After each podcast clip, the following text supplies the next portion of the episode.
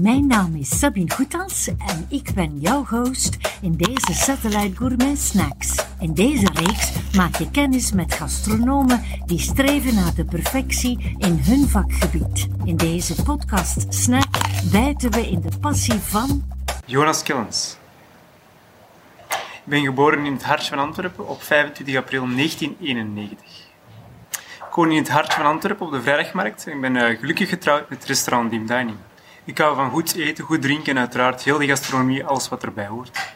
Ik heb gestudeerd op de hotelschool PIVA in Antwerpen, dan nog uh, hotelmanagement gedaan op Artesius Plantijn, als ook in Antwerpen, en ben nu gehuisvestigd hier in restaurant Dim Dining als eigenaar en als zaakvoerder. Wat is jouw gastronomische passie?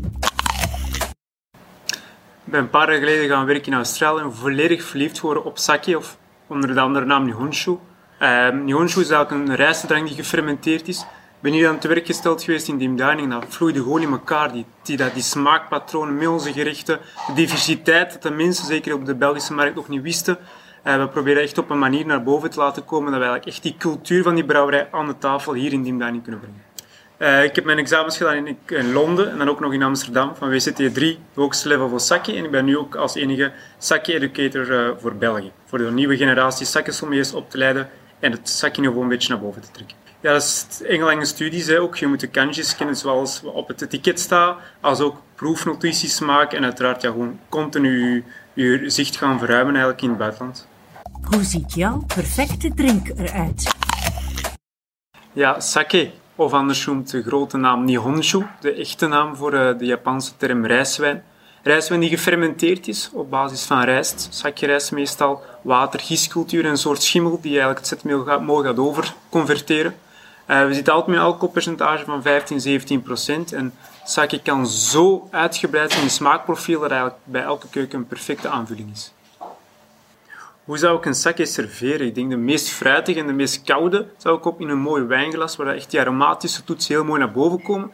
En als we een beetje meer naar de grijptere stijl gaan gaan en een beetje meer met dat graanniveau naar boven komt in het type van de aromaten van de sake, zou ik eerder gaan voor een oshoko. Dat was een oshoko, dat is eigenlijk een klein cupje, een beetje een variatie op basis van een oesterschelp, waar heel vroeger traditie, traditiegewijs werd uitgedronken. En we hebben die in verschillende kleuren, dat eigenlijk ook altijd de prefectuur of de provincie van het land eigenlijk naar voren laat komen. Het kopje heeft geen oortjes. Waarom? Puur omdat wij eigenlijk traditiegewijs met de twee handen eigenlijk de sake moeten gaan degusteren. Koude type van sake liever eigenlijk in een wijglas te serveren. Mooi bodempje dat je nog perfect eigenlijk die aromatische toetsen in het glas nog naar boven laat komen.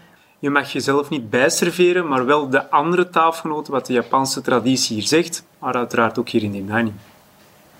Wat is jouw best bewaard gastronomisch geheim? Het grootste geheim is dat ik ooit Roger Federer, een van de grootste tennisspelers van de wereld, heb mogen bedienen. En hij bestelde een Barbie, maar in het Australisch noemt een Barbie eigenlijk een barbecue. En toen ik dan aan de chef ging voor een Barbie te bestellen, en uiteindelijk dan aan Roger Federer zei wat dat in onze taal betekende, Roger kon ermee lachen, maar de chef was er niet content mee. Wil jij meer inspirerende verhalen horen? Luister naar de podcastafleveringen van Satellite Gourmet op Google, Spotify of Apple Podcasts. Of ga naar ons YouTube-kanaal Satellite Gourmet voor video.